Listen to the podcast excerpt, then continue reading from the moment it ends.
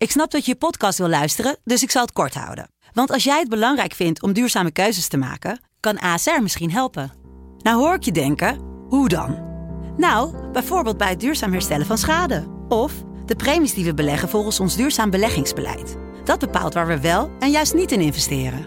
Wil je meer weten over welke duurzame keuzes ASR maakt? Ga dan naar asr.nl slash duurzame keuzes. ASR doet het. Zo, dan kan je nu lekker naar je podcast luisteren. Media. Het digitale front is mede mogelijk gemaakt door de cyberhersteldienst van Bisway. Hallo, mijn naam is Harm Teunis en naast mij zit Dave Maasland. In deze podcast bespreken we iedere week twee cyberverhalen waarvan je nog niet wist dat je ze wilde horen. Want de wereld van cyberaanvallen en digitale dreiging is voor veel mensen onzichtbaar. En dat is best gek, want de gevolgen ervan die zijn iedere dag voelbaar. Ook in jouw leven. En wij maken die wereld hier zichtbaar. Welkom terug aan het digitale front.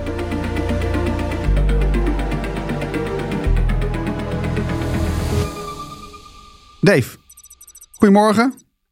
Half negen, negen uur hebben we het nu over. Jij hebt niet zo lang geslapen, hè?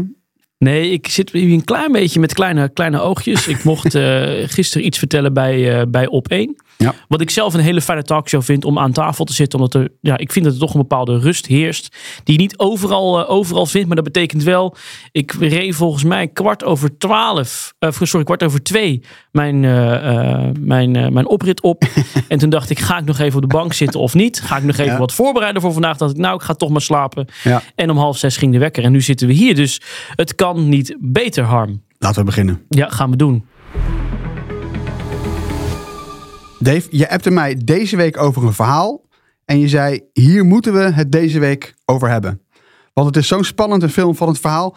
Um, vind ik namelijk ook dat het het enige verhaal is wat we vandaag gaan bespreken. Dus vandaag niet twee verhalen, maar eigenlijk één groot cyber rampenverhaal, mag ik het wel noemen. Ja, we gaan het een beetje omgooien. Dat is ook noodzakelijk, denk ik. Ja. Want we gaan het hier vandaag hebben over misschien wel de grootste cyberaanval van de oorlog tussen Rusland en Oekraïne. Mm. En in het begin zag je natuurlijk dat de media hier bovenop sprong op dit thema. Mm. Want dit zou de digitale oorlog worden. Dit zou de eerste oorlog worden waarbij het licht uit zou gaan in Oekraïne en de tanks eigenlijk zonder tegenstand de grens over zouden rijden. Ja. Maar allerlei meningen. Dat is wel gebeurd, dat is niet gebeurd. Uh, Rusland zou niet succesvol zijn. Rusland zou ook volgens ja, sommige experts of sommige media eigenlijk helemaal niet zo goed zijn. En nu zitten we hier, Harm, met de grootste cyberaanval van deze oorlog. In ieder geval qua uh, verstoring zou je kunnen zeggen. Namelijk ja. de grootste telecomprovider bijna volledig digitaal verwoest. 24 miljoen mensen zonder mobiel internet. Op 75 plekken deed ook het luchtalarm niet meer. Kortom, uh, de enige aanval denk ik die we nu even moeten, moeten bespreken. Ja, um, laten we eerst even, even hebben over, want dit is dus uh, Kyivstar. Dit is uh, een telecombedrijf, zeg maar het KPN van Oekraïne, toch? Ja, uh, bij far marktleider. Ik heb dat nog even opgezocht met uh, 48% uh, marktleider in Oekraïne. Dus ja. 1 op 2 mensen in Oekraïne maakt hier, maakt hier gebruik van. Ja. ongeveer 1 miljoen mensen die ook via de vaste lijn hier van internet, internet gebruiken. Werken ongeveer zo'n zo'n 4000 mensen. Dus ja, gewoon, ja, gewoon wel de grootste telecom provider van, van Oekraïne. Laten we het even hebben over, hè, want we hebben het natuurlijk over cyberaanvallen. Um, wat voor aanval hebben we het hier over? Nou, dat is wel interessant. En waarom er ook nog veel te duiden valt, denk ik, omtrent deze aanval. Enerzijds is dit bedrijf heel transparant over wat er gebeurd is. Anderzijds weten we nog niet precies. Mm. Wat we wel weten, is dat er is aangekondigd dat ja, grote gedeelte van dit bedrijf zou digitaal verwoest zijn. Mm. Dat geeft de CEO zelf aan. Ja. Alleen omdat men uh, zo diep binnen zat, zij gaven letterlijk aan in een zin. Ja, wij konden ze virtueel niet meer verslaan. Dus hadden we nog maar één optie, namelijk ons hele bedrijf ontkoppelen, ons hele bedrijf offline. Je wilt zeggen? Ja, die triggert bij mij. Want ik las dat. We kunnen ons virtueel niet weren. Ja. ja. Dat klinkt best wel abstract. Ik denk dat ik begrijp wat het betekent. Maar eh, betekent, betekent het dat ze het uh, niet meer zeg maar, via hun eigen computers de aanval konden stoppen en dat ze daarom de stekkers uit hebben moeten trekken? Hoe moet ik het zien? Kijk, als je op een gegeven moment als, als aanvaller, als uh, hacker, laten we even zeggen, als land, Eigenlijk is jouw doel op een gegeven moment om bepaalde rechten te krijgen in een organisatie. Alsof je eigenlijk de beheerder bent, de baas van het netwerk. Ja, van de, wagenparkbeheerder, zeg maar, die de sleutelbos heeft waar Ja. alle sleutels aan zitten. Ja. Kijk, op het moment dat een aanvaller die rechten verkrijgt Mm. en eigenlijk de basis van jouw netwerk, dus ik kan letterlijk bepalen wie wat mag installeren, welke PC uit en aan moet en welke software erop moet staan, ja, dan heeft iemand zoveel rechten, dan kan je daar, dan kan je daar eigenlijk niks meer tegen doen. Behalve, ja, je moet ze natuurlijk op een manier er weer uit gaan trappen of eh, dan kan je eigenlijk alleen maar zeggen, internet verbreken. Ja. Letterlijk is dat je enige kans, omdat je zelf, je moet je voor, je bent zelf niet meer de baas in eigen huis. Ja, er zit iemand in jouw huis, die heeft de deur op slot gedaan en die zwaait door het raam naar je en zegt: Ik zit hier lekker op de bank en ga warme chocomel maken. Ja. Dat is wat er gebeurt. Ze trappen je uit je eigen huis. En, eh, en ja, in dit geval, en dat is ook maar gelijk even om daar duidelijkheid over te geven voor de luisteraar. Ja, wie zit erachter? Wie kan zo'n aanval plegen? Nou, dat is ook een aantal dagen nog onduidelijk geweest, maar alle signalen wijzen erop. En voor de vaste luisteraars gaan deze naam kennen. Eh, er is een, een groep geweest die heeft de aanval opgeëist. Eh, ik, die kan ik niet zo goed uitspreken, dus die, die, eh, die krijgen jullie straks nog te horen. Ja. Maar die is ook weer verbonden aan Sandworm. Ja. En Sandworm is dus weer een onderdeel van de militaire inlichting en veiligheidsdiensten van Rusland. Ja, Dus dat mag, eh, mag groep- duidelijk zijn. ik ga het toch proberen. En Ik vind het namelijk leuk om te proberen. Ja, ga ervoor. Solnse Pjok. Solnse Pjok. Sonspjok. Ja. Ik Ja. hoop dat ik het goed zeg. Maar zij zouden dus links hebben met Sandworm, hè? Ja, eh, eigenlijk wat je vaker ziet is dat Sandworm, eh, wat natuurlijk gewoon de Russische overheid is. Dus laten we daar ook duidelijk over zijn wat in ieder geval eh, de militaire inlichtingen en veiligheidstak is. Ja. Die hebben natuurlijk heel veel baat bij om in sommige gevallen niet zozeer natuurlijk zelf die aanval op te eisen, maar ze willen er op een manier wel reclame voor maken. En dan gebruiken ze een soort groep die daarvoor staat, een front, Ja. die ja, namens hen dit soort aanvallen opeist. Ik vond het ook wel verbazend. Er waren allerlei andere groepen die deze aanval eh opeisten. Killnet. Ja, dat, die zag ik ook voorbij komen, ja. Natuurlijk wel eens over hacktivisten gehad. He- Killnet wordt eigenlijk wel beschouwd als ja, de groep eh, digitale vandalen. Hebben hele grote monden, maar Ja. weinig echt grote aanvallen uitgevoerd. En toen ik al een aantal bronnen sprak en een aantal podcasts luisterde en wat onderzoek heb gedaan, ja, dan hoorde je eigenlijk één ding van mensen dicht bij het vuur. Deze aanval is echt van ongekende complexiteit. En eh, de mensen die hierachter zaten weten echt heel goed wat ze aan het doen waren. Mm. Eh, dit, dit was echt bijzonder qua complexiteit. En dat betekent dat, ja, toen Killnet dat al riep, ja, dat, dat, dat zou. Dat had ik zoiets van, vol- dat, dat, dat lijkt me sterk dat zij, Ja. hier, eh, dat zij Ja. hierachter zitten. Hey, laten we even teruggaan naar. eh, laten we het even, even heel klein maken. Hè? We hebben het over hacken, cyberaanvallen. Ik spreek ook wel eens luisteraars, vrienden die mij commentaar geven op de podcast. Het allemaal heel erg interessant vinden. Maar ik denk toch wel even leuk om even uit te leggen wat hacken nou precies is. Ja, en misschien wel goed om ook die verschillende fases te duiden. Zodat men ook een gevoel kan krijgen bij hoe complex zo'n aanval kan, kan zijn. Ja. Ehm, Maar laten we eerst, wat, wat is hacken? Gewoon een definitie. hacken is eigenlijk iets doen wat niet de bedoeling is. Ja. Dus hacken kan ook iets simpel zijn als dat je ehm, probeert een, een eh, ja, als je wel eens in, de, in, in een winkel komt waar een computer staat waarbij je kan opzoeken hoe duur een product is, om te kijken, ja, kan ik die monitor ook in een ander scherm krijgen of wat dan ook. Het is soms gewoon, het is ook een, een mindset. Hacken is vooral een mindset. Proberen ja, eh, net iets anders te doen dan wat, dan wat de bedoeling is. En dat Ja. is ook wat, waarom hackers vaak, ja, die, die herkennen, die hebben een andere, andere manier van, van denken. je haast, ja, dus het is niet altijd crimineel. Dat is wat ik eigenlijk waar ik een beetje naartoe wil. Het kan goedaardig en kwaadaardig zijn. Ja, ik denk dat, kijk, dat is ook iets wat wij, eh, misschien is dat wel eens opgevallen, wij vermijden de term hacker ook een beetje. Ja. Omdat in de context waarin wij spreken, wij gaan eh, hopelijk nog heel lang met elkaar eh, de oorlog duiden vanuit Ja. dat perspectief. Ja. En dan heb je het gewoon vaak over landen, over criminelen, over aanvallers. En een hacker is in principe iemand gewoon met goede intenties. Die aan het, ja, gewoon aan voordeuren aan het morren is of aan het kijken is. Met in principe de intentie om de wereld een beetje beter te maken. Dan heb je natuurlijk de black hat hacker. Dat is hoe wij een crimineel omschrijven. Iemand gebruiken dan vaak de kleur van, van, van de hoed. Je hebt een white hat hacker. Iemand die in principe alleen maar iets doet om aan te tonen dat iets verbeterd moet worden. Ja, zodat we met z'n allen. Oh, dit, dit, hier zit een lek, hier zit een kwetsbaarheid. Die kan misbruikt worden. Laten we ervoor zorgen dat Ja. er niet gebeurt. Die gewoon tegen de buurman zegt: joh, jouw voordeur staat open. En zal ik hem even voor je dicht trekken. Ja. En dat, eh, ja, dat, dat, dat, dat is denk ik wel. er, eh, En, en hoe komen, want eh, dan gaan we toch even terug naar cyberoorlog of cyberaanvallen. Wat doet een hacker dan?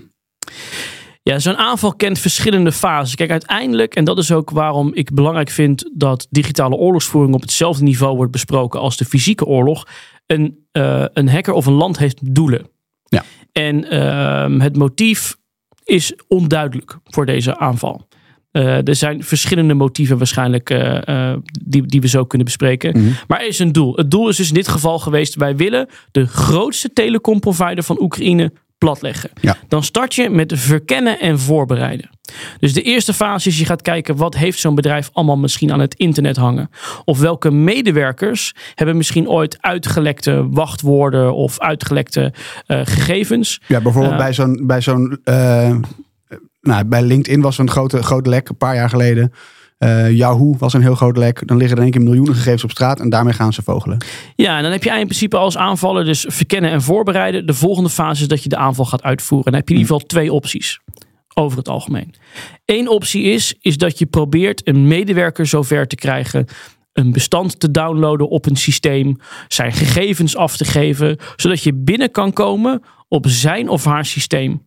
Dus in dat geval zou ik jou een e-mailtje sturen met een bijlage waar een computervirus in zit. En dat virus zorgt ervoor dat ik de controle kan overnemen van jouw ja. uh, laptop. Of dat ik mee kan kijken. Wat nu heel vaak gebeurt, is dat er dan een, bijvoorbeeld een, een infostealer wordt geïnstalleerd. En een infostealer is eigenlijk wat het doet. Het steelt jouw informatie. Het kan letterlijk je toetsaanslagen meekijken. Dus als je je wachtwoord intikt. Of als wat jij in je browser waar je inlogt. Bij welke websites kan je in principe stelen. Uh, dus je ene optie is via de medewerker binnenkomen. Ja. Je andere optie is van buitenaf. Dus je gaat scannen naar de websites, naar wat staat er allemaal aan het internet. En kan ik daar ergens een lek in vinden? Kan Ja. ik daar een achterdeur in vinden? En kan ik zo op één systeem Dus bijvoorbeeld komen? een fout in de software, waardoor, eh, waardoor de, nou, de deur zeg maar digitaal op een kiertje staat en die breek je dan open. Ja. En dan sta je in de gang. Ja. In de gang van het bedrijf.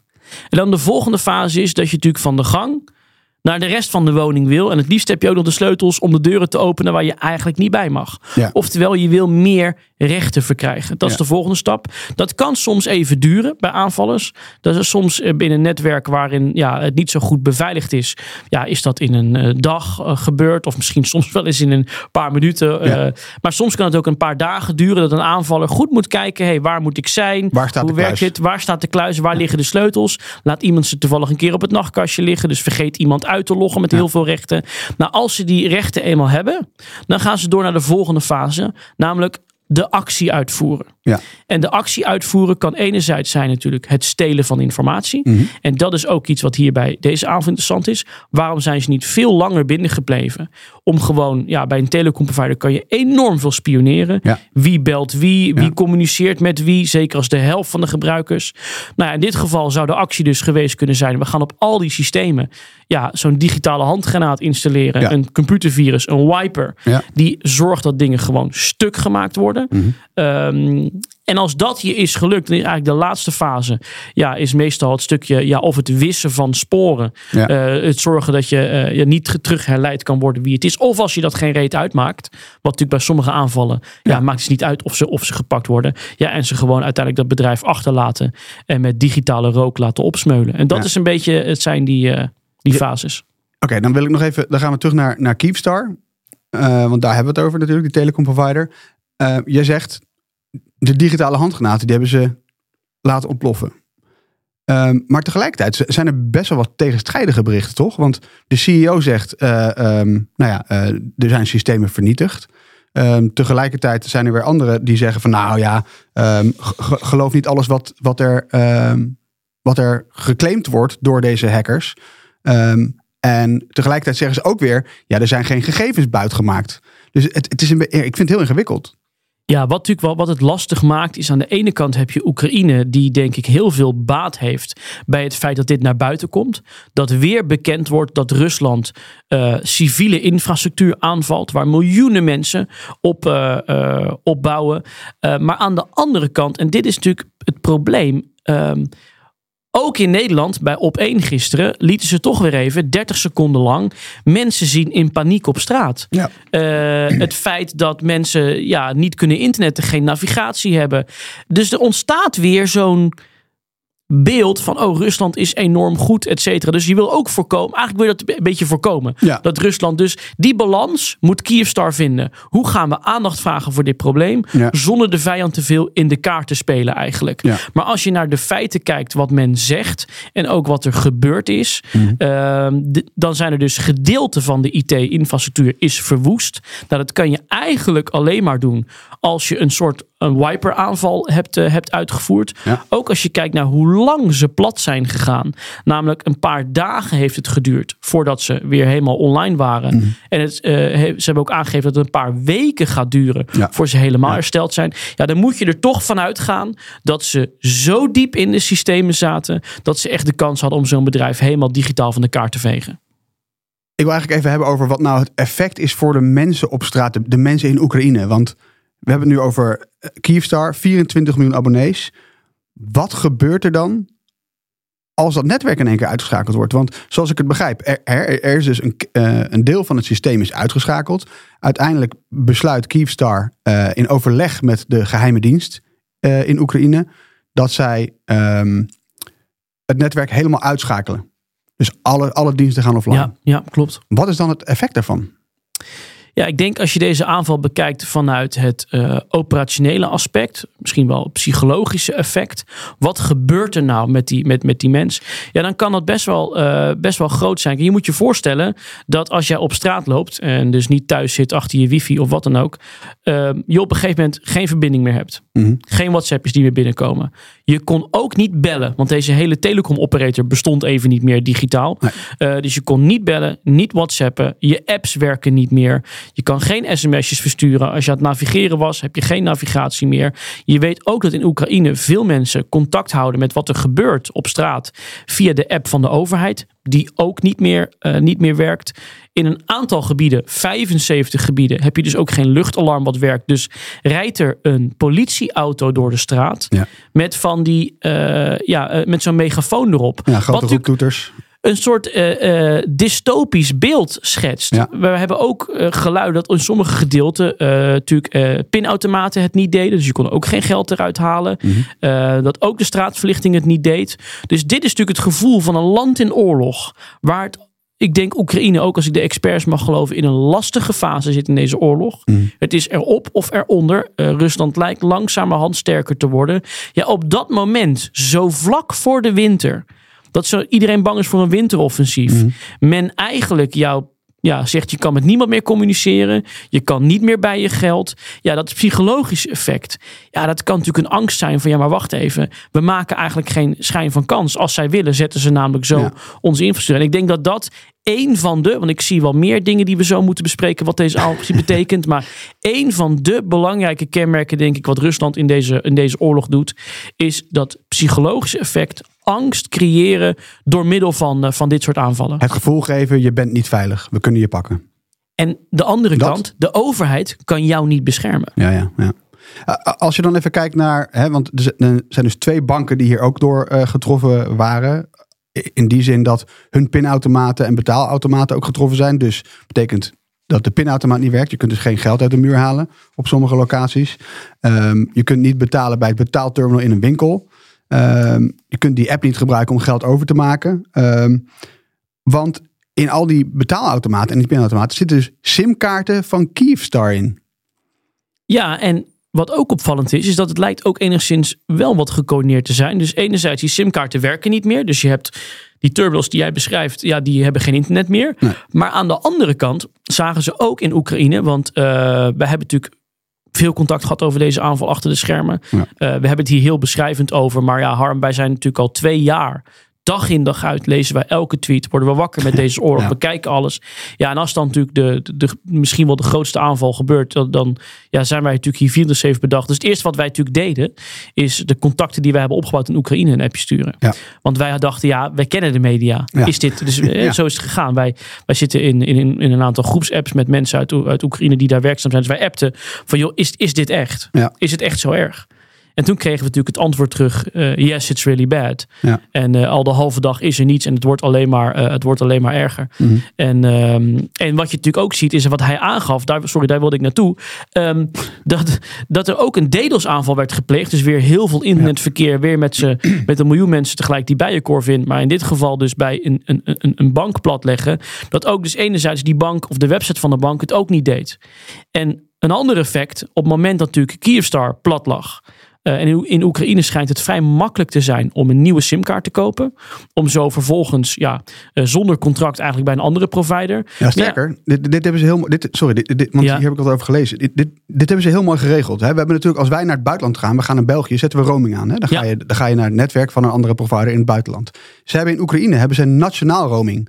Dus als jij woont in een gebied waar, in dit geval Kyivstar, uh, het niet doet, kun je overschakelen naar een andere provider binnen het land, zonder dat je daar een contract ah, hebt. Mooi. Maar dat hebben ze dus uitgeschakeld, omdat ze dus bang waren dat de andere netwerken overbelast zouden raken. Um, ik heb even de cijfers er erbij gepakt. Vodafone heeft in Oekraïne 19 miljoen abonnees. En dan heb je nog LiveCell, 8,5 miljoen abonnees. Als al die mensen in één keer naar het andere netwerk gaan, en dat zei een van onze bronnen in Oekraïne ook, ja, dan gaat zo'n netwerk ook overbelast. En om dat te voorkomen hebben ze dat nationaal romen, overstappen van, van provider, hebben ze toen even uitgeschakeld. Maar inderdaad, toen zag je dus dat mensen dus toch een simkaartje gingen kopen bij die andere providers. En heb je ook gezien, volgens mij houden we dat ook, eh, dat, dat werk rijen stond natuurlijk voor die winkels. Uh, dus dat is natuurlijk ook weer de, de, de, de paniek dat mensen ja, uh, gelijk moeten schakelen en zo'n ja. nieuwe simkaart. Ja. Weet jij of dit dus ter voorbereiding was? Dat het feit dat, dat ze zo werken met nationale roaming, heeft dat dus ook te maken, heeft dat te maken met de oorlog of heeft het altijd al nee, zo dit, gewerkt? Dit heeft te maken met de oorlog. Dat hebben ze, gedurende de oorlog hebben ze dit uh, uh, nou ja, bedacht of aangezet. Juist om dus, als je dus in een bepaald gebied geen internet meer hebt of geen mobiel internet meer hebt, dat je dan dus kunt switchen en dat je dus wel nou ja, gebruik kunt maken van informatievoorzieningen die je als, als burger, als je paniek hebt of je wil weten wat er aan de hand is, dan heb je dat nodig. Als jij dit soort aanvallen hoort, hè, Harm, we hebben het natuurlijk hier heel vaak, vaak over gehad.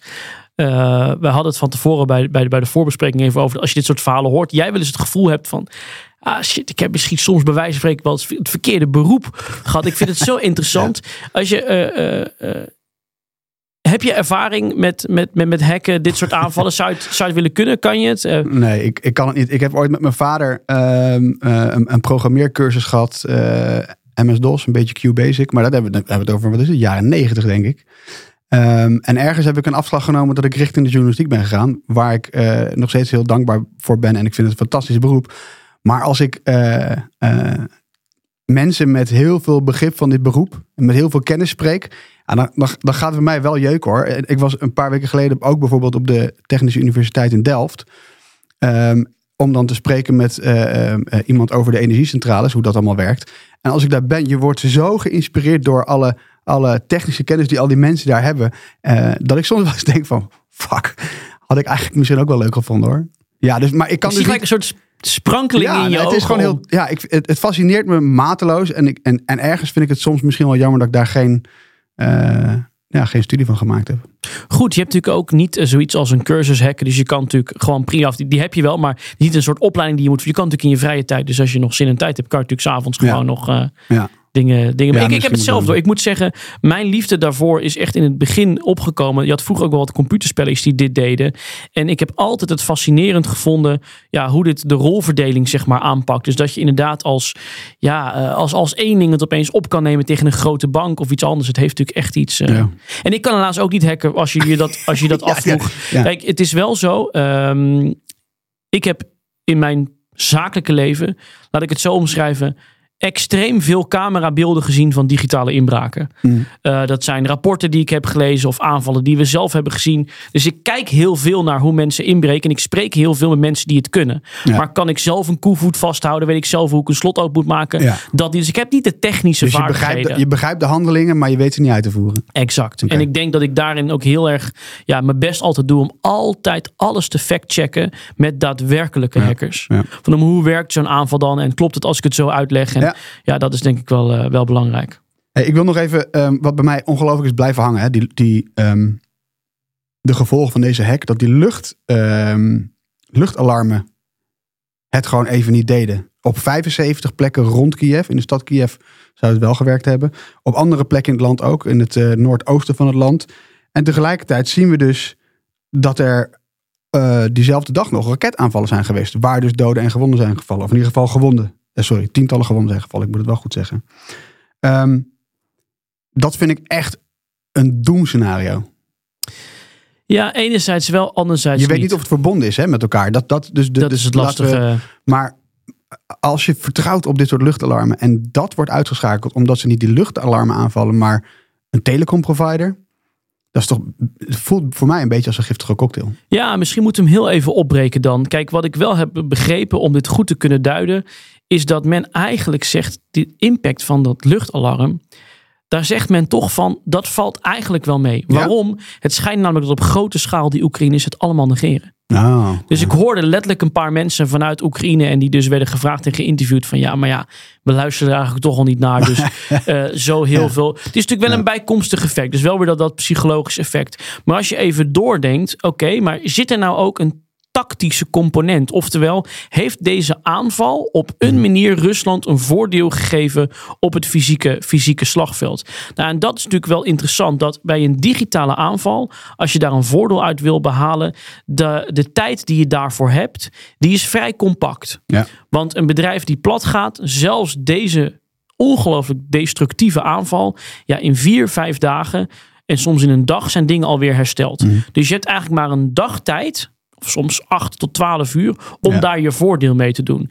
Als je het vanuit die kant bekijkt, lijkt Rusland niet dat ze op het moment dat het plat ging, hadden ze natuurlijk misschien ook kunnen voor kunnen zorgen dat er per direct raketaanvallen werden gedaan. Of dat er meteen tijdens de chaos iets werd gebeurd. Dat, dat lijkt er niet op. We weten natuurlijk wel dat Zelensky op dat moment in Amerika was. Dus misschien was wel ook het doel om tijdens die trip ja, de grootste aanval uit te voeren. Om te laten zien van joh, uh, of om dat bezoek enigszins te verstoren. Uh, wat je aangeeft is natuurlijk wel zo dat die avond hebben ze natuurlijk wel enorm veel raketaanvallen gepleegd. En dat is wel waar men bang voor is. Hè. Er zijn natuurlijk een aantal ingrediënten in die cocktail die jij beschrijft, wat digitale oorlogsvoering uh, interessant maakt. Dat is namelijk uh, als het dus die militaire impact heeft, dus verstoort het ook iets op het, op het daadwerkelijke slagveld. Ja. Ehm, zorgt het er uiteindelijk ook voor dat um, mensen die psychologische impact ervan, uh, ervan ondervinden. Um, en kan je het samen laten gaan, misschien ook nog wel met kinetische aanvallen. Daarmee bedoel je raketaanvallen? Bijvoorbeeld dat je gewoon letterlijk een stad bomt. Dus dat je een energiecentrale plat legt in een stad. En tegelijkertijd die bommen. Alleen dat is wel interessant dat we even die fases hebben doorgenomen. Want mensen denken echt dat hacken één druk op de knop is. Nee. Dat is het dus niet. Van verkennen en voorbereiden tot het staan in de gang, tot het verkennen. Dat, is, dat vereist tijd. Ehm, en als je dat doet, en je kijk, je raket is letterlijk wel een druk op de knop. En ja. er vliegt de raket heen en je bombardeert het. Dus als je wil dat dat tegelijkertijd aankomt, kan je, ja, denk ook weer twee dingen doen. Of wachten met het uh, drukken op de knop van de raket tot je zeker weet, ik zit binnen en ik kan het ook digitaal doen. Of je gaat ver van tevoren in digitale systemen zitten. En dat is wat wij vaker ook zeggen hier in deze podcast. Het gaat over dat prepositioneren. Het prepositioneren dat je alvast in netwerken zit. Mhm. Om vervolgens een actie uit te voeren als het, als het moet. En dat is ook iets wat me niet blijft opvallen, Harm. Dus dat tactische component op het slagveld is een beetje vaag. Je zou misschien kunnen zeggen, er zijn natuurlijk ook heel veel Oekraïners die vechten aan het front. Die wel gewoon met hun privételefoon beelden maken, communiceren op Telegram. Die zijn misschien wel massaal verstoord. Al die verhalen gaan we nog te horen krijgen in de komende weken en komende maanden. Zegt mijn gevoel. Mhm. Alleen de vraag is ook, was het echt een pure sabotageaanval? De impact zegt van wel. Omdat het uiteindelijk zoveel impact heeft. Al 24 miljoen mensen. Maar het kan natuurlijk ook zijn dat zo'n sabotageaanval ja, een soort uh, dat ze proberen te uh, uh, verhullen ja. dat ze al maanden binnen waren en heel veel informatie naar buiten ja, hebben dus, gehaald. Dus toch gespioneerd hebben en uiteindelijk saboteren. De druk op de knop en dan daar toch een moment voor hebben gepakt. Dus dachten, nou, als we toch een moment moeten kiezen om ja. de boel op te blazen, laten we het dan maar doen net voor de winter, net dat Zelensky weg uit het land is. Ja, dan hebben we misschien nog wat. en ik sprak bij op één met een Ruslanddeskundige en ik legde dat uit. Die had Hmm. geen digitale achtergrond, maar die vond het wel interessant. En ik zei, joh, hoe zou dat nou kunnen? Ze zegt, Dave, dit is typisch wie Rusland is. Hm. Iets bruuts doen, iets gewelddadigs doen, iets doen wat chaos creëert. En dan zien we wel ja. wat er gebeurt. Ja. Dan kijken ze wel wat de effecten zijn en andere dingen. Dus, See what sticks. Ja. En ja, dus enerzijds heel erg complex, maar zij zet zeer de vraagtekens bij of dit allemaal goed gepland is, of de diensten goed met elkaar praten. Ja, zij heeft daar grote twijfels, uh, grote twijfels bij. Om even rond te maken, deze week uh, hoopt Kyivstar dat alles weer werkt. Dus zowel mobiel internet, bellen als sms'en voor alle abonnees in het hele land. Het gros van de diensten lijkt het weer te doen. Ehm, maar ja, ehm, ik, wil, ik wil, wat mij wel erg op, opviel in de communicatie van het bedrijf, als je ze volgt op Twitter, ze hebben zo duidelijk gecommuniceerd over wat er allemaal aan de hand was. De CEO die met een filmpje uitlegt wat er aan de hand is. Dat mensen zelfs kunnen, kunnen rekenen op compensatie. Ik vond het, uh, ik weet niet, ik vond het wel tof om te zien. Ja, ik denk dat dit ook hoopgevend is voor Nederlandse bedrijven om te zien hoe je hiermee om kan gaan. Kijk, aan de andere kant, de context is natuurlijk wel anders. Mm. Nogmaals, ik denk dat ja. Kyivstar er heel veel baat bij heeft om dit eh, te laten zien uh, hoe, erg, uh, hoe erg deze aanval is. En wij hadden het er ook over en de tijdlijn is ook nog een beetje onduidelijk, maar het lijkt er ook op. Mm. En dat zijn toch berichten die nu bevestigd zijn, dat Oekraïne zelf ook even een digitale uppercut heeft gegeven. Gaan we het zo over hebben. Dan natuurlijk eerst onze rubriek bellen met Bart van BISWBV. Uh, die met zijn cyberhersteldienst bedrijven uit de problemen helpt die last hebben van digitale aanvallen. En zoals natuurlijk elke week vertelt hij een verhaal uit de praktijk, letterlijk vanaf het digitale front. Bart, de verhalen worden steeds spannender. Vertel, wat heb je deze week voor ons meegenomen? Ja, Dave. Een, een werknemer had geen antivirus op zijn MacBook geïnstalleerd waardoor digitale criminelen het Google-account hebben gekaapt en de huidige beheerders eruit hebben gegooid. Oké, geen antivirus op een MacBook. Dat hoor je misschien nog wel vaker. Maar nu hebben we een keer een voorbeeld wat er dan gebeurt. Vertel, wat gebeurt er dan? Ja, uh, een medewerker van de uitgeverij had onbewust een plugin geüpdate. Dat gebeurde automatisch. En dat is eigenlijk een extra programma waarmee je bepaalde dingen makkelijker kan doen. Maar in de update zat een malafide code. En omdat er geen antivirus op die computer zat, werd die plugin zo geïnstalleerd. En toen de digitale criminelen dat door hadden, dat ze leuke, leuke dingen konden doen met die PC, konden ze zo het Google-account van deze uitgeverij overnemen. Ja, dan is natuurlijk de vraag: wat ga je met zo'n account doen dan? Ja, de uitgeverij heeft allemaal 4 en 5 sterren recensies. Hele goede recensies. En daardoor hebben ze een hele goede positie in Google.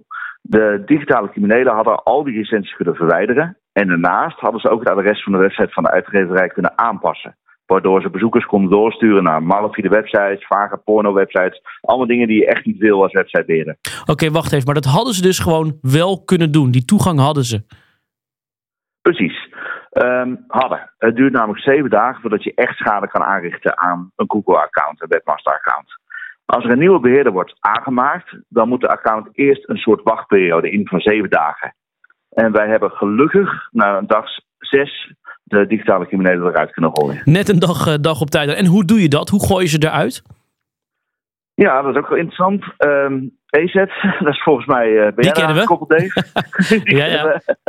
Uh, ja, heeft uiteindelijk een malafide code in de plugin gevonden. Uh, nadat wij de antivirussoftware op de PC hadden geïnstalleerd, ja, popte die gelijk op. Daarna hebben we Google proberen te bereiken. Uh, maar dat lukte niet vanzelf. Uiteindelijk hebben we via onze interne contacten uh, het toch voor elkaar gekregen om de ja, digitale criminelen eruit te gooien. Maar echt wel net op tijd dus. Uh, maar dat is natuurlijk de vraag. Ja, wat, wat, wat doe je dan? Wat is jouw tip, uh, Bart? Ja, ten eerste installeer gewoon antivirus. Ook als je een MacBook hebt. En check zo nu en dan je plugins. Sommige plugins zijn al oud en dan zit er een bepaalde malafide code in. En dan kan je ze echt beter op tijd verwijderen. Iets waar we niet zo vaak aan denken. Een hele belangrijke dit keer. Bart, dankjewel voor de tips. Tot volgende week met een nieuw verhaal vanaf het digitale front. Dave, ik ga weer even terug met je naar Oekraïne. Uh, we hebben het net gehad over de hack van Kyivstar. Um, en tegelijkertijd zien we aan de andere kant van het digitale front dat er ook een aanval is uitgevoerd. Of meerdere aanvallen, maar eentje heel recent. Oekraïne heeft namelijk op dezelfde dag bekendgemaakt dat ze cyberaanvallen hebben uitgevoerd op Rusland. En ze claimen dat ze onder meer de, um, de Russische Belastingdienst hebben aangevallen met malware. Ja, Oekraïne heeft wel eens eerder gezegd in interviews dat als ze nu terugkijken, ze van één ding spijt hebben. Dat ze niet eerder aanvallende uh, een aanvallend digitaal leger hebben gebouwd. Ja. Ze hebben zich heel erg gefocust op het verdedigen, waardoor ze weinig slagkracht de andere kant op hebben. Ja. Nou, dat lijken ze nu te hebben aangepast. Maar waar het op neerkomt, ze hebben dus een centrale server um, en daarin 2300, dus 2300 regionale servers in Rusland en op de Krim hebben, hebben ze aangevallen. en dan heb ik het over op de Krim, dus de, de, het, door Rusland ingenomen gebied. En daar hebben ze dus malware op geknald. Wat precies, daar zeggen ze niets over. Maar over de effecten zijn ze best wel duidelijk. Um, een Russisch IT-bedrijf dat diensten levert aan die diezelfde belastingdienst, hebben ze op precies dezelfde manier aangevallen. Dus dezelfde methode op beide uh, dingen. En dan hebben ze inderdaad configuratiesystemen vernietigd. Net als de hele database en backups. Zegt dat jou dat dit bijna niks anders kan zijn dan wiper malware? Ja, ik denk dat ze dezelfde tactieken gebruiken die natuurlijk ook bij hen gebruikt worden en die effectief blijken. Hmm. Je hebt natuurlijk maar één doel als je digitaal terug wil slaan. Uh, in, in dit geval, je wil verstoring veroorzaken. Ja, dan, dan, dan blaas je ook de boel, denk ik, digitaal daarop. En met zo'n wiper malware, ja, kan dat. Het is natuurlijk alleen zo dat wat je ook Rusland natuurlijk vaak wat men Rusland verwijt in dit mm gebeur. Dat het dus uh, het wordt nooit echt strategisch, cyberaanvallen, nee. omdat het nog niet gecoördineerd is. Het is nog niet onderdeel van een campagne waarbij je een strategisch doel hebt om uh, bijvoorbeeld een, een uh, een bepaalde sector uit te schakelen. Waarbij je dus en weer die raketten lanceert. En tegelijkertijd propaganda doet. En tegelijkertijd. En je ziet dat Rusland dat steeds beter onder de knie krijgt. In een mhm. rapport van Microsoft beschrijven ze ook hoe ze de afgelopen maanden zich enorm hebben gericht op de uh, agrarische sector. Met cyberaanvallen, met fysieke aanvallen, met propaganda. Kijk, en wat je natuurlijk ook, wat Oekraïne waarschijnlijk wel aan het gaan proberen is steeds meer als deze oorlog langer gaat duren, is om ook die strategische capaciteiten op te bouwen. Waar moeten we het spioneren om te weten wat Rusland aan het doen is. Waar moeten we hard raken om proberen verstoring. Dus, maar is, dat, is, is het doel voor, voor deze aanval dan? Want je zegt ze kunnen dit niet coördineren met uh, een kinetische aanval. Want dat is gewoon fysiek niet mogelijk. Want, ja. want Oekraïne en Rusland vechten natuurlijk in Oekraïne nog. Dus dit kan nooit met een fysieke aanval tegelijkertijd gaan in het geval van Oekraïne. Of lijkt me heel moeilijk. Uh, maar wat is dan het doel van zo'n aanval? Ja, ik denk ook dat daar twee, drie redenen voor zouden kunnen zijn. Kijk, uiteindelijk heeft het nog steeds ook weer die basis psychologische component. Ook weer in Rusland, om daar natuurlijk ook die angst te creëren. Of om ook, denk ik, te zorgen dat, dat, ja, dat de steun voor de oorlog op een manier ook minder wordt. Ja. Aan de andere kant kan ik me wel voorstellen, ik ben geen belasting- of financieel expert. Maar als je echt ook in Nederland de Belastingdienst uit de lucht haalt voor twee, drie weken. Die hebben volgens mij nu al een achterstand van 7,5 jaar. Uh, ja, die achter, Dat je ook daadwerkelijk een land treft qua, qua economie. Ik denk alleen dat misschien inderdaad wat je zegt voor Oekraïne als deze oorlog natuurlijk, wat we allemaal verwachten, nog een tijd gaat duren, hmm. dan zullen die operaties belangrijker worden. Want zij kunnen niet zomaar een raket uh, over de grens heen sturen. En digitale aanvallen zijn het middel hmm. eigenlijk om ver buiten je landsgrenzen te reiken en daar schade aan te richten. En ja, dan hoop je natuurlijk wel op een gegeven moment, en dat is ja, wat, wat ook wel beschouwd wordt uh, en wat wij al een keer behandeld hebben. Namelijk, wat nou als je op 100, 2, 3, 400 plekken tegelijk een aanval kan plegen. En in Denemarken hebben we natuurlijk gezien. En dat is natuurlijk denk ik wel iets waar, ja, waar we naar zullen moeten kijken hoe die capaciteiten van. En daar gaan we denk ik de komende weken over hebben. Ja, hoe die aanvallen ook vanuit Oekraïne richting Rusland zich, uh, zich gaan ont, uh, ontwikkelen. Wat, wat ik mij nog afvraag, hè, want um, de Oekraïners claimen dit nu. Kunnen wij dit controleren wat het effect ervan is geweest en of het klopt? Nou, dat is heel lastig. Ik zat er, ik zat er echt mee te worstelen toen we ons voorbereiden. Want en normaal gesproken, als, ik, als, ik, als, als, als journalist ben ik natuurlijk geneigd. Oké, ik moet even checken of klopt het. Nou ja, uh, de Oekraïnse uh, diensten die hebben natuurlijk één belang. Uh, wat logisch is natuurlijk. Is dit naar buiten brengen. er is een aanval op Oekraïne geweest. oh, maar wij doen ook iets terug. Dus daar zit een soort van. er zit natuurlijk een belang. Um, er zijn screenshots van uh, Russische websites waarin ze zeggen, nou inderdaad, moeilijk bereikbaar belasting, belastingdienst, of de systemen van de belastingdienst. Maar heb jij kunnen controleren of dit, of dit waar is, of, of er zulke effecten zijn? Nou, ik heb het wel. En hoe ik dat doe. Er zijn een aantal websites die ik zeer respecteer als het gaat over nieuws op digitaal gebied. Waarvan ik ook weet mm. dat zij verslaggevers hebben in Oekraïne. Die ook weer contacten hebben in zowel Rusland als in Oekraïne. En als zij het brengen. En meerdere websites het brengen. Voor de mensen die dat leuk vinden. Bleeping Computer, uh, The Record. Mm. Uh, zijn denk ik twee toonaangevende websites. Als die het brengen als een verhaal wat geloofwaardig is. Mm. ja, dan ga ik er ook vanuit dat er in ieder geval een kern van waarheid in zit. Maar ik vind ook dat we moeten proberen in deze podcast ook de feiten te duiden. Nou, daarom, en, en er is nergens natuurlijk echt bewijs gezien dat die bestanden echt weg zijn. Rusland zelf heeft natuurlijk nog geen statement erover gemaakt. Waar ik me ook weer iets bij kan, kan voorstellen. Maar het is denk ik wel interessant om deze aanval te volgen. Want als ze hem zo groot naar buiten brengen. Mm. ja, dan ga ik er eigenlijk vanuit dat ze wel iets hebben om hier achter te zetten. Om Omdat ze anders nat gaan. ja, dat denk ik wel. En dan ga je natuurlijk ook alle andere berichten in twijfel trekken. Ja. Uh, dus ja. ik denk dat, dit, uh, dat hier zeker een kern in, van waarheid in zit. Is het opvallend dat Oekraïne dit nou bekend maakt? Want in de, in de voorbereiding hiervoor had ik het met onze redacteur Marco hierover. Um, en toen zat ik een beetje met. Hebben wij eerder gezien dat een land of een dienst claimt. Nou, we hebben uh, uh, een ander land aangevallen en we hebben een belastingssysteem vernietigd. Nee, niet op die manier. En nu je dat zo zegt, ik zat door wat tweets te scrollen, ook van wat andere deskundigen. En daar was ook uh, een aantal die tweeten. Kijk, dit is nou het begin van de echte cyberoorlog. Zo so it begins. Want nu zie je de een naar de ander. Uh, ze kondigen letterlijk aanvallen aan. Uh, de een zegt, oh, maar dan is de aanval op Kyivstar. Dan is dat ook weer de vergelding geweest ja. voor de aanval op de, op de Belastingdienst. Oh ja, welke volgen dan welke op? Kijk, ja. dat is interessant in een oorlog. Op het moment dat die schroom eraf is en die sluier van magie en zijn we het wel of zijn we het niet. Ja, dan zie je natuurlijk straks in, in een feit dat je niet meer hoeft te vullen dat jij het bent. Mm. En dan wordt het laten zien aan elkaar, ja, wie heeft de aanval uitgevoerd met, met, met de meeste impact. En daar zou dit natuurlijk wel een beetje naartoe kunnen gaan. Want we kunnen het er niet over hebben vandaag. Maar er zijn nog twee gigantische aanvallen geweest door Rusland in dezelfde week. Hmm. Ook van een ongekend niveau. Waarbij ze weer een uh, achterdeur hebben ingebouwd in een stuk software. Dus je ziet dat de, ja, de intensiteit van aanvallen is gewoon ook in die digitale wereld is aan, het, uh, is aan het toenemen. En Rusland laat echt zien dat ze in staat zijn zeer complexe aanvallen te lanceren.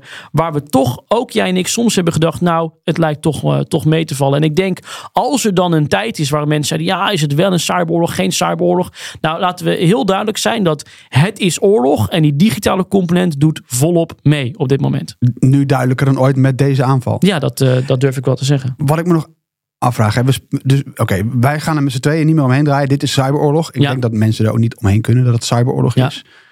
Um, je had het net over, dit is de aanval van... Ik, we gaan even terug naar het begin van de ja. uitzending. Um, dit is de grootste cyberaanval die Rusland tot nu toe heeft uitgevoerd op Oekraïne. Vraagteken. Want we hebben natuurlijk een aantal. We hebben, we hebben het uh, in, in deze podcast ook al gehad over de aanvallen op het uh, energienet, uh, zeg maar. Um, meerdere aanvallen zijn er geweest. We hebben de wiper malware gezien, met name aan het begin van de oorlog, waar een heleboel be bedrijven en instellingen door getroffen werden. Waarom is dit volgens jou dan de grootste?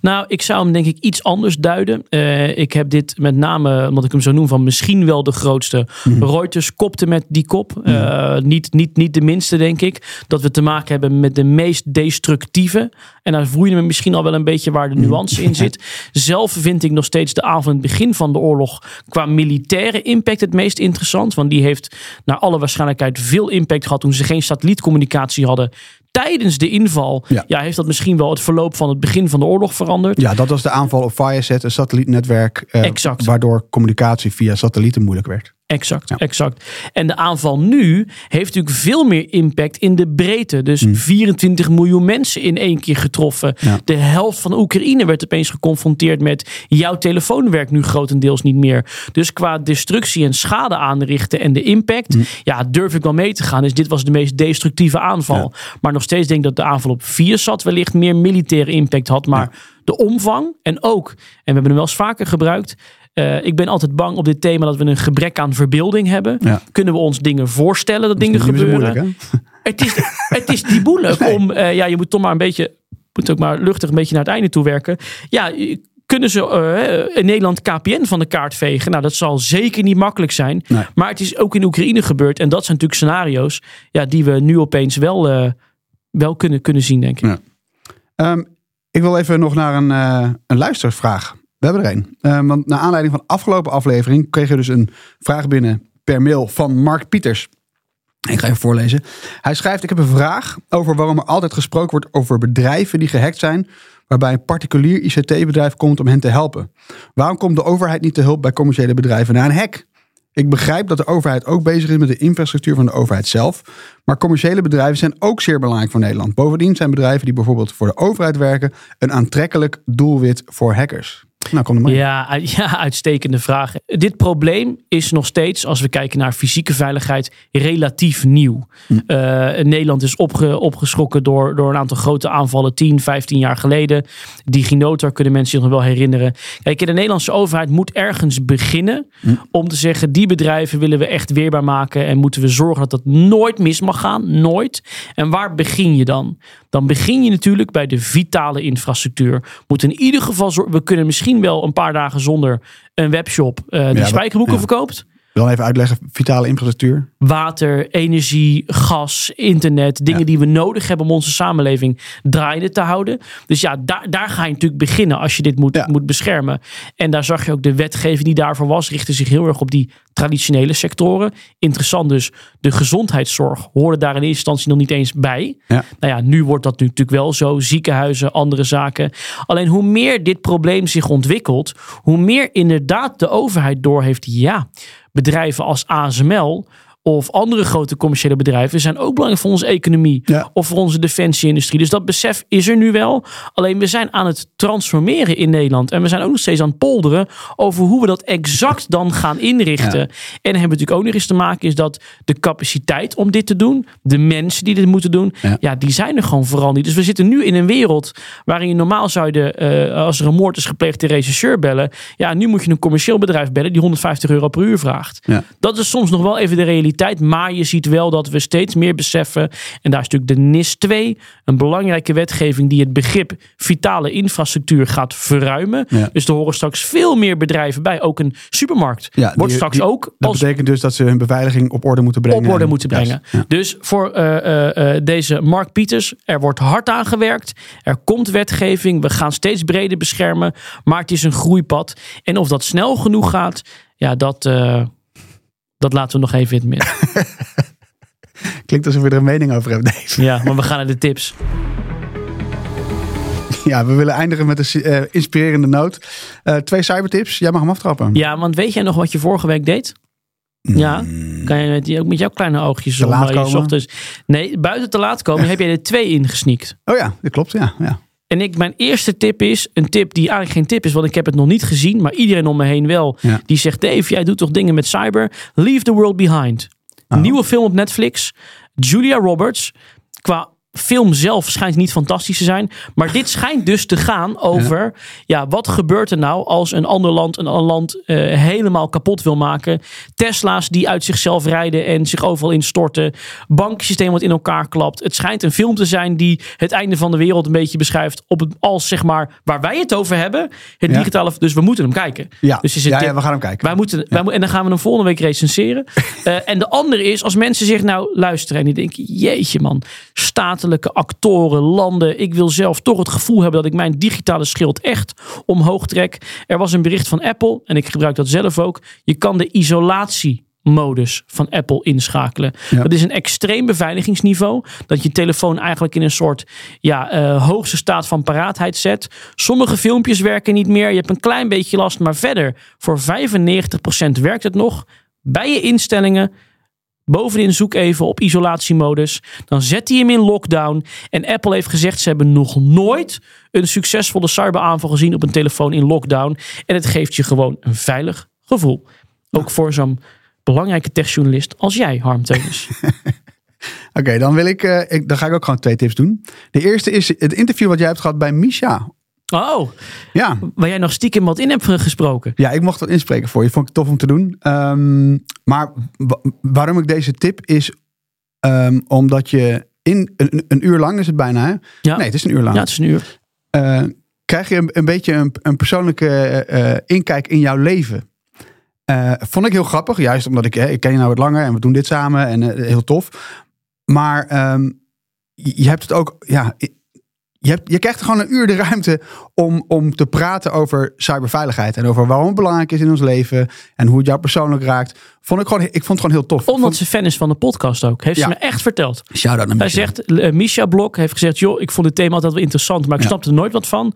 Maar ze is fan van het digitale fonds. Nou, Shout-out naar Misha. Juist. Uh, die veren accepteren we. maar dat vond ik dus heel leuk. Dus die kun je terug, terugluisteren bij Radio 1. Ehm, en mijn andere tip is een, een film, of een, ja, een film, documentaire van de Beastie Boys. en nu verraadt mijn leeftijd zich waarschijnlijk. Voor iedereen die, die, die jonger is dan 30. Ja, Beastie Boys, we zijn Jij fietst er gewoon een niet-cybertip in. Ik fiets er niet cybertip in. Het is een documentaire over de Beastie Boys, uh, hip-hop ehm, eh, trio band. Ehm, en deze, ja, de Beastie Boys. In deze documentaire nemen ze je in een theater. Gaan, gaan ze uitleggen hoe drie vrienden samen de Beastie Boys worden. Hoe zij hun muziek hebben gemaakt. Wat het met hun persoonlijk heeft gedaan. Welke drama's ze hebben meegemaakt. Als je van hip-hop houdt en een beetje van rock. En je kent de Beastie Boys, dan moet je eigenlijk deze documentaire slash film slash voorstelling kijken. Staat op Apple TV Plus uh, en dat is mijn tweede tip. Je hebt er bijna over gehad. Dit was het Digitale Front. Wij zijn Harm Teunis en Dave Maasland. Je kunt ons volgen via X, Dave Maasland of Harm Teunis. En via Digitale Front. Zitten we al op threads? Nee, we moeten naar threads. We moeten naar threads. Ja, even die account aanmaken. Gaan we vanmiddag doen. Uh, heb je nou tips en wil je ons eens vragen? Mail dan naar het digitale front C-O-R-T-I media.nl. Tot volgende week. Tot volgende week.